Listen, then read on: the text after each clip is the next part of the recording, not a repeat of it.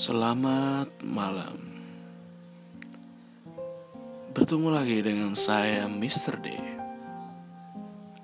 Dalam Real or Not Real episode ke-6. Kali ini kami menemukan cerita yang sangat menarik. Cerita dari wetpad.com yang ditulis oleh Kelita Abigail Perhusi. Cerita ini adalah tentang chat history. Chat yang dilakukan dua orang yang bernama Karin dan Lina. Yang diberi judul Ada sesuatu di depan rumahku.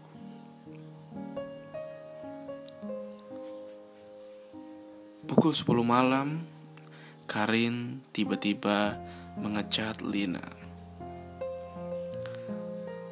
Lina, lu udah tidur? Belum, emang kenapa? Gue lagi tinggal sendirian nih di rumah. Orang tua gue pergi.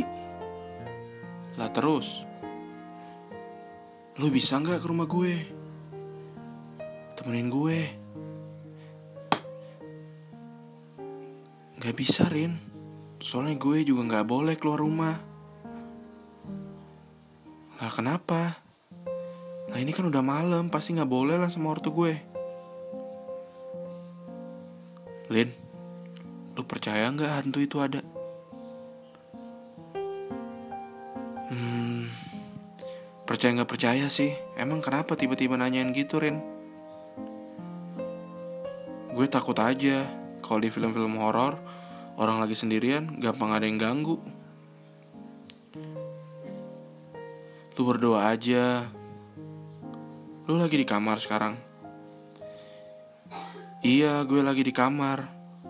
Gimana nih caranya biar gue nggak takut?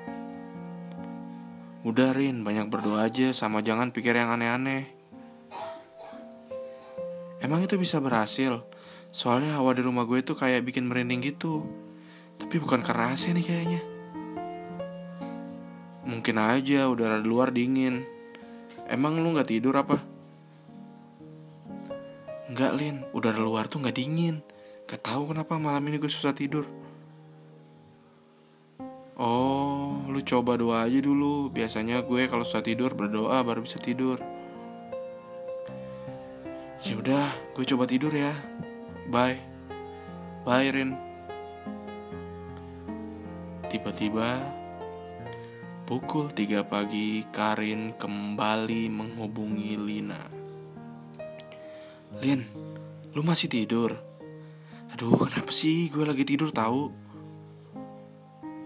Sorry, gue ngedengar ada seorang ngetok-ngetok pintu rumah. Ya udah, bukain aja, mungkin nyokap bokap lu. Masalahnya, tadi nyokap gue itu telepon.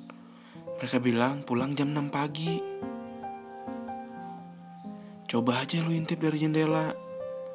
Duh gue gak berani takutnya hantu. Cek aja dulu. Ya udah gue cek bentar. Percakapan terputus.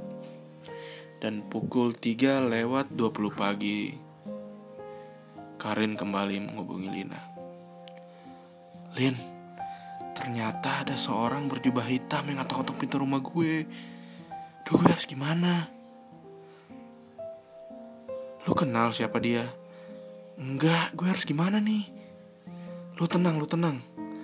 Berdoa dan telepon orang tua lu untuk pulang sekarang juga. Udah gue telepon dari tadi tapi nggak diangkat. Dia masih ngetok-ngetok.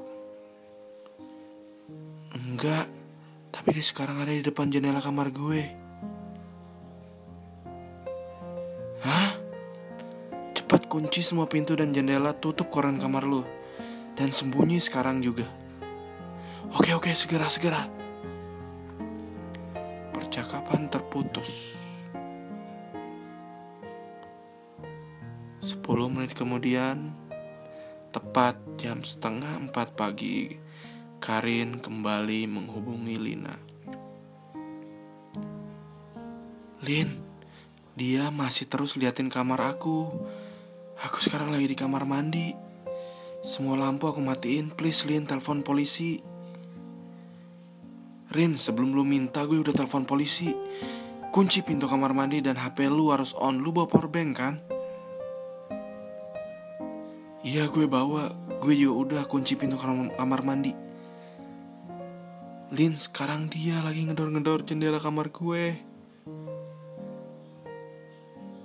Lu tenang dulu Rin, berdoa dan tunggu sampai polisi datang. Berhasil masuk kamar gue. Dia sekarang manggil-manggil nama gue. Tapi suaranya kok mirip lu, Lin? Hah? Oke, lu tenang dulu. 10 menit lagi polisi akan datang. Dia ada di lorong menuju kamar gue. Gue takut. Please tahan sebentar 5 menit lagi polisi akan datang Tahan Gue tahu lu kuat Lin Mungkin ini saat terakhir Kita chatting. Gue minta maaf ya Kalau gue punya salah. Rin Lu gak boleh ngomong gitu Lu pasti kuat. Ren Ren jawab Ren Ren